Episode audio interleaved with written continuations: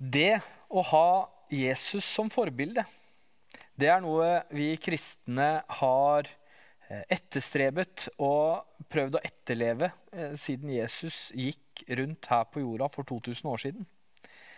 Og Jesus som forbilde. Det kan ha mange eh, perspektiver og fasetter. Disiplene til Jesus de fulgte Jesus i tre år. De var med han på å se tegn, under, kraftfulle gjerninger Eh, de var med når Jesus ble hengt på korset på Golgata, eh, og de ble spredt for alle vinder. Eh, disiplene må ha virkelig sett hvem Jesus er, siden de var villige til å dø som martyrer, alle som en, utenom Johannes som døde alderdom på Patmos. De døde som martyrer. Og jeg tror ikke det er blind tro som er troen på Jesus, men et skritt i tro basert på solide fakta. Disiplene så hvem Jesus var. De så hva Jesus gjorde, og de så hvilken påvirkning Jesus hadde på de menneskene han møtte på sin vandring. Så det er solide historiske fakta, og de er de mest sannsynlige forklaringene på hvem Jesus faktisk er. Og Jesus han formidlet en fantastisk livsfilosofi som oppsummert handler om å finne livet ved å miste det. Lede ved å tjene. Møte hat med kjærlighet. Jesus snudde som regel alt på hodet. Hvor veldig mange trodde at Jesus kom for å befri dem ut fra eh, romernes herredømme, over romernes jernhånd over jødene, så reiste han og møtte tollere. Han møtte prostituerte. Han samla fiskere rundt seg. Så han snudde alt på hodet og alt det de hadde tenkt. Og det var ikke bare flotte ord Jesus kom med. Men det var samsvar mellom hans liv og hans lære. Og hans livsfilosofi, den levde han ut til det fulle. Det var når han ga sitt liv for å redde alle mennesker. Jeg sitter her sammen med Elias som er vår fantastiske ettåring. Eh, som det er en glede å kjenne eh, og ha gått en eh, vandring sammen med. Og jeg prøver å være et forbilde for Elias eh, og for en gjeng eh, eh, gutter som vi har gått sammen nå i halvannet år. Mm. og jeg prøver å ha Jesus som forbilde og, og prøver å formidle det å ha Jesus som forbilde. Hvordan vil du si Elias, at disse halvannet årene som vi nå har satt fokus på en, på en Jesus som ikke er denne litt feminine, glattbarberte, bleike, tynne mannen som vi ofte ser i disse Jesusbildene, men vi har satt fokuset på en Jesus som står i Getsemahagene når soldatene kommer, og soldatene spør vi leiter etter Jesus fra Nasaret. Og Jesus svarer det er jeg. Og det er ikke 'det er jeg'. Nei, det er 'det er jeg'. Og idet Jesus sier at det er jeg, så faller soldatene til bakken. Det er en litt annen Jesus. Mm. Men Elias, fortell litt. Hvordan, hvordan har det vært, eh, denne vandringa? Eh. Jo, det har jo vært en fantastisk prosess. Eh, fordi eh, den guttegruppa vi hadde, vi kunne komme inn på en gudstjeneste, sitter på bakerste rad og så tenker at å, det er litt kjedelig, og vi vet ikke helt åssen vi skal være her. Men eh, det å få det bildet på at eh, Jesus eh, har ikke skapt oss til å være små, smilende gutter som skal labbe rundt og ha det bra, men han har skapt oss til å være den vi er. Han har skapt oss som vi er. Og få det bildet på at Jesus var heller ikke sånn. Han var ikke sånn som gikk rundt og smilte. han smilte jo, men han var ikke perf sånn perfekt eh, kristen som du kan tenke deg. da, eh, Sånn som du ser på bilder og sånn. Men han var ordentlig tøff. Og jeg tror ikke det er mange som hadde turt å gjøre de tingene Jesus gjorde. Så det å få det forbildet der eh, og se for seg åssen tøff mann Jesus egentlig var, det har betydd veldig mye for oss gutter. Og vi har vokst veldig på det å ha det bildet av Jesus og ha det bildet at Eh, han gjorde de tøffe greiene, og han har skapt oss til å følge det Jesus gjorde. Eh, så det i møte når vi er på frik, når vi kommer på gudstjeneste, og det å møte andre med det eh, vi har lært gjennom den gruppa, det har vært helt nytt for oss. Og du ser utviklinga, den positive utviklinga av det som har skjedd der. Ja, det er en, en gjeng gutter som står i krigen. De står i den kosmiske krigen som vi alle er en del av. I Efeserne 6, vers 11, så står det at det er ikke kamp imot mennesker, men mot makter og myndigheter og mot djevelens ånde her i himmelrommet. Vi er ikke plassert inn i en sommerbris på en, eh, på en eng på Sørlandet. Vi er i en kosmisk krig hvor ondskapen prøver det den kan for å plyndre himmelen for sjeler. Og vi har løfta sverdet, Elias. Eh, og vi har utrusta oss. Og det har vi gjort med å ha Jesus som forbilde. Det er han som maner til kampen. Og det er en kamp. Det er ikke en dans på roser. Eh, av og til så må vi ned og så må vi danse litt på tornene. Eh, og når Jesus sier at vi må miste vårt liv for å vinne det. Når Jesus sier at vi må eh, legge ned vårt eget, og så må vi ta opp vårt kors hver eneste dag og følge ham i fornektelsen, så er ikke det bare hva vi vil til enhver tid. Eh, hva vil du si har endra seg eh, det siste halvannet året i, i måten du er med vennene dine på, i måten du tenker på hverdagen på, Elias? Jeg vil si at eh, jeg drar Jesus mye mer, mer inn i de tingene jeg gjør i livet. da. Eh, eksempel sånn som når jeg kommer på en gudstjeneste. Eh, så har jeg tenkt mye ofte før at nå må jeg der og være der. Og det er sånn jeg gjør når jeg er kristen. At det er nesten en sånn norm at du skal gjøre det. Men nå tenker jeg mye mer eh, hvem er det kan se her? Eh, tenker på den 'What would Jesus do?' Hva hadde Jesus gjort? Eh, ikke sant? Av armbåndet. Men eh, hva hadde Jesus gjort her nå? Jo, han hadde gått hen og hilsa på den nye personen. Han hadde gått og vært et forbilde for de som er yngre. Så tenker, jeg tenker mye mer på eh, hva kan jeg gjøre som Jesus også hadde gjort her. Og jeg tar med meg Jesus inn i det jeg gjør. Jeg ber før jeg tar valg, og Jesus har blitt en stor del av mitt liv. Og jeg tror du som sitter der hjemme også, eh, har mye å lære eh, om det å ta med Jesus inn i de valgene, de, de kanskje små valgene i hverdagen som ikke virker så veldig store. Eh, men små ting kan velte ganske store ting. Eh, og det å ta med seg Jesus, eh, det er noe han har bedt oss om. Og det er noe dere har virkelig gjort. Altså, jeg, når jeg var på deres alder, så var, var jeg også på hytter. Og, og det endte opp med en fyllefest uten like og slåsskamper og spying og herjing. Og dere har også vært på hyttetur, Elias. Det har vi. Kan det sammenlignes? Eh, jeg vil ikke si det kan sammenlignes helt. Nei, men vi har vært på en del hytteturer. Og vi har klart å ha fokus på det, bl.a. å være stille med Gud og kjenne på hva har Gud til meg nå. Uh, vi fokuserer mye på Guds ord, leser mye Bibelen, og vi fokuserer på relasjonene med hverandre. Åssen hvordan vi kan ha en god relasjon med hverandre imens vi har en god relasjon med Gud. Så vi har fått det fokus på at av og til så tar vi en hyt hyttetur. Så drar vi ut eh, på en hytte og har med Bibel. Eh, har med en høyttaler så vi kan høre på lovsang, og bare bruker den hytteturen på relasjon med Gud. Det er helt fantastisk. Eh, og dette er eh, våre ungdommer. Eh, dette, er, dette er forbildene som har Jesus som forbilde. Eh, og det med at Jesus eh, formidler en fantastisk livsfilosofi. Han eh, Det var på en måte noe han gjorde når han ga sitt liv for å redde hele menneskeheten. I Matteus 20, eh, vers 26-28, så står det Men den som vil være stor iblant dere, han skal være de andres tjener.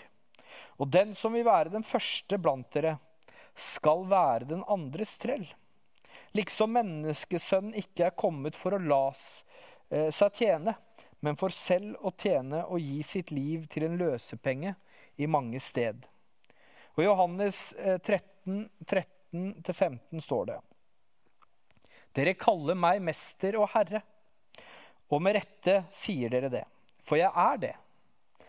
Når da jeg som herre og mester har vasket deres føtter, så skylder også dere å vaske hverandres føtter.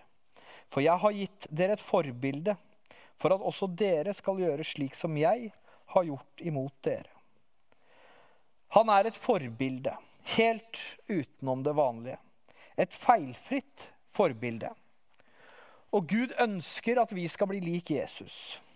Romerne 8,29 sier, for dem som han, for, som han forut kjente, dem har han også forutbestemt for å bli likedannet med hans sønns bilde, for at han skulle være den førstefødte blant mange brødre.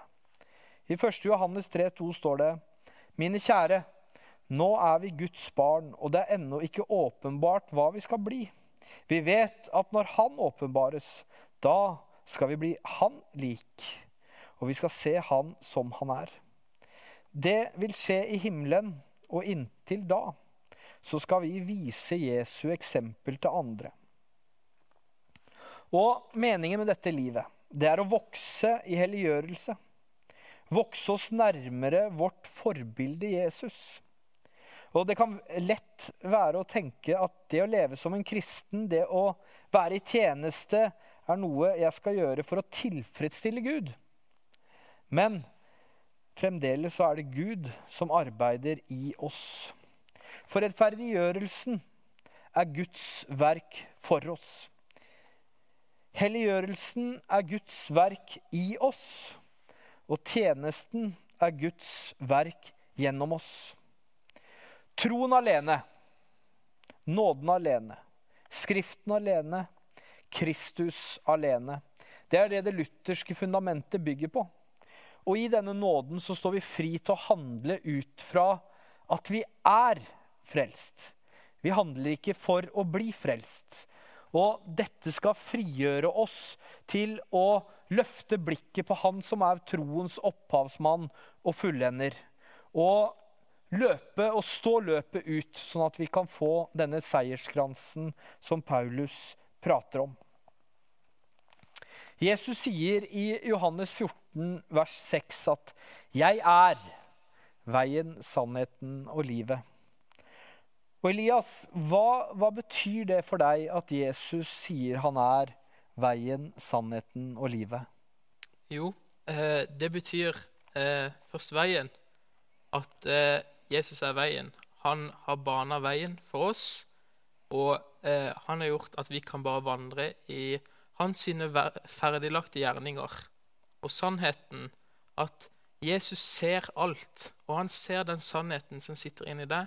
Han har ufattelig lyst til å sitte inn i den sannheten og være med i den sannheten som du bærer på. Og eh, veien, sannheten og livet. Eh, Jesus, da Jesus døde på korset, så tok han bort alle våre synder og ga oss evig liv. Det er det håpet vi har der fremme. Og den eneste som kan den veien, det er Jesus Kristus. Men hva skal vi da gjøre i 2020? For å plassere Jesus der han hører hjemme. Som forbilde i vårt liv. Som kaptein i vårt hjerte. Det handler om å gi Gud større plass og la seg påvirke av han. For å vite hvordan en person er, så må man tilbringe tid sammen med han. Og Jesus kan prege oss gjennom Guds ord, Bibelen. Han kan prege oss gjennom gudstjenester, fellesskap, bønn og mye mer. Og når han preger oss, når han preger mennesker, er det naturlig at troen resulterer i gjerninger. For troen er død uten gjerninger, står det i Jakob 2,17.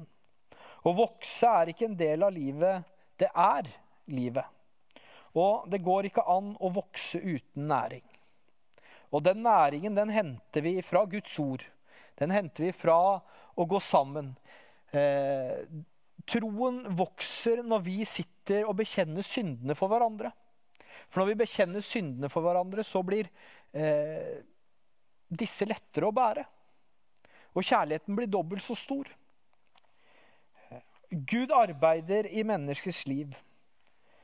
Og han arbeider ikke med livet, men han arbeider i livet. Han lager ikke gull av gråstein, men han skaper noe nytt. Om noen er i Kristus, så er han en ny skapning. Og som det står i Romerne 8,1, så er det da ingen fordømmelse for dem som er i Kristus Jesus. Så når vi har Jesus som forbilde, så er det sånn at det er ikke alt vi får til. Eller kanskje du er perfekt, Elias? Feiler aldri? Jeg tror nok ikke det. Du tror nok ikke det. Nei, og jeg er ikke der, jeg heller. Jeg klarer heller ikke eh, til enhver tid å gjøre helt riktig. Eh, så f.eks. i dag så eh, hadde jeg en liten tass på armen. Eh, og jeg ber om at han skal ha Jesus som forbilde. Han er eh, snart fire uker gammel, eh, og han griner hele tida. og jeg så, ser jo ikke for meg at når Maria la Jesus ned i krybben i stallen Det er ikke så mye jeg leser i evangeliet om at Josef blei møkk lei av den grininga til Jesus da han satt krybba på utsida av stallen. Eh, eller altså, Maria gikk og holdt seg for ørene og bare Nei, nå får du ta de greiene her, Josef, for nå, nå skal jeg sove litt. Eh, det er ikke, de tingene, det er ikke de, vi, de tingene vi leser i evangeliene. Men jeg tror kanskje det var sånn. Jeg tror kanskje at Josef blei litt lei til tider. Jeg tror Maria var litt oppgitt av og til. Og det er det det er å leve dette livet. Dette livet som menneske. Det er ikke perfekt. Det er ikke alt vi får til. Og av og til så må vi bare kunne hvile i nåden. Av og til så må vi kunne hvile i å si at vet du hva, i dag klarte jeg det ikke. Men da går vi sammen. Og så går vi med fokuset retta på Han som er troens opphavsmann og fullender. Og så en siste ting, Elias. Jesus han har en ærefrykt. Og det står mange steder i Bibelen og i Det gamle og Det nye testamentet at vi skal ha ærefrykt. Frykt Herren. Vi skal ha en ærefrykt for Gud. Og det at vi har en ærefrykt for vårt forbilde, det tror jeg er ganske viktig. Og gjennom mange, mange år og gjennom hundrevis av år så har kristendommen båret på en frykt. Vi har båret frykt for at det ikke har vært bra nok. Vi har båret en frykt for at det å danse, det fører til fortapelse. Det å spille kort, Elias, på 70-tallet, det var nesten systematisk med å havne i helvete. Det er frykt. Det er usunn frykt. Jesus har bedt oss om å ha ærefrykt for Herren. Og ærefrykt, det er Hvis Elias hvis din eh, gode far, Magne Røsnes, sier til deg at hvis du går ut i kveld, så kommer jeg med pisken og spanskrøret og slår deg gul og blå. Og du kommer til å ha husarrest de neste fire månedene. Så går du kanskje ikke ut. Men du, går ikke, du, du lar ikke være å gå ut fordi du er så utrolig glad å ha faren din som forbilde, men pga. den straffen som foreligger. Men hvis Magne, din gode far, hadde sagt Elias, jeg er så utrolig glad i deg. Det er så mye som skjer på Hånes om dagen. Det er så mye slåsskamper. Det er så mye som skjer at jeg ønsker ikke at du skal gå ut, for jeg er redd for hva som vil skje med deg. Når du da velger å ikke gå ut, så er det ikke i frykt for straffen som ligger der. Men det er kjærligheten til det forbildet du har. Og Der har vi forskjellen på frykten og ærefrykten. Og når vi velger å gå den veien som Jesus har lagt foran oss, så gjør vi det med ærefrykt. Vi gjør det fordi vi vet at vi har en far i himmelen som elsker oss med en så stor kjærlighet at han valgte å utholde korset for vår skyld. Og den kjærligheten, den gjør at vi elsker han, som er vårt forbilde, og som vi velger å legge vårt lit og vårt håp til. Elias, vi gleder oss til å høre mye mer fra deg i åra som kommer. Du vokser til å bli en fantastisk mann. Jeg har blitt veldig glad i deg. Eh, altså. så la oss avslutte med en bønn. Takk, Herre Jesus, for at vi kan ha deg som forbilde. Takk for at du i ditt ord, gjennom ditt liv og gjennom det du gjorde, lærte oss hvilken vei vi skal gå. Herre, nå ber jeg om at du styrker oss. At du midt i vår svakhet, så gjør du oss sterk. Midt i vår, vårt kaos, så leder du oss frem. Herre, du skapte kosmos ut av kaos, og du kan også skape et liv i oss som gjør at vi klarer å legge ned vårt eget og følge den veien du har. Velsign hver enkelt som sitter hjemme og, og ser dette, og som ønsker å sette deg på førsteplass og ha deg som forbilde i sitt liv. I Jesu Kristi navn. Amen.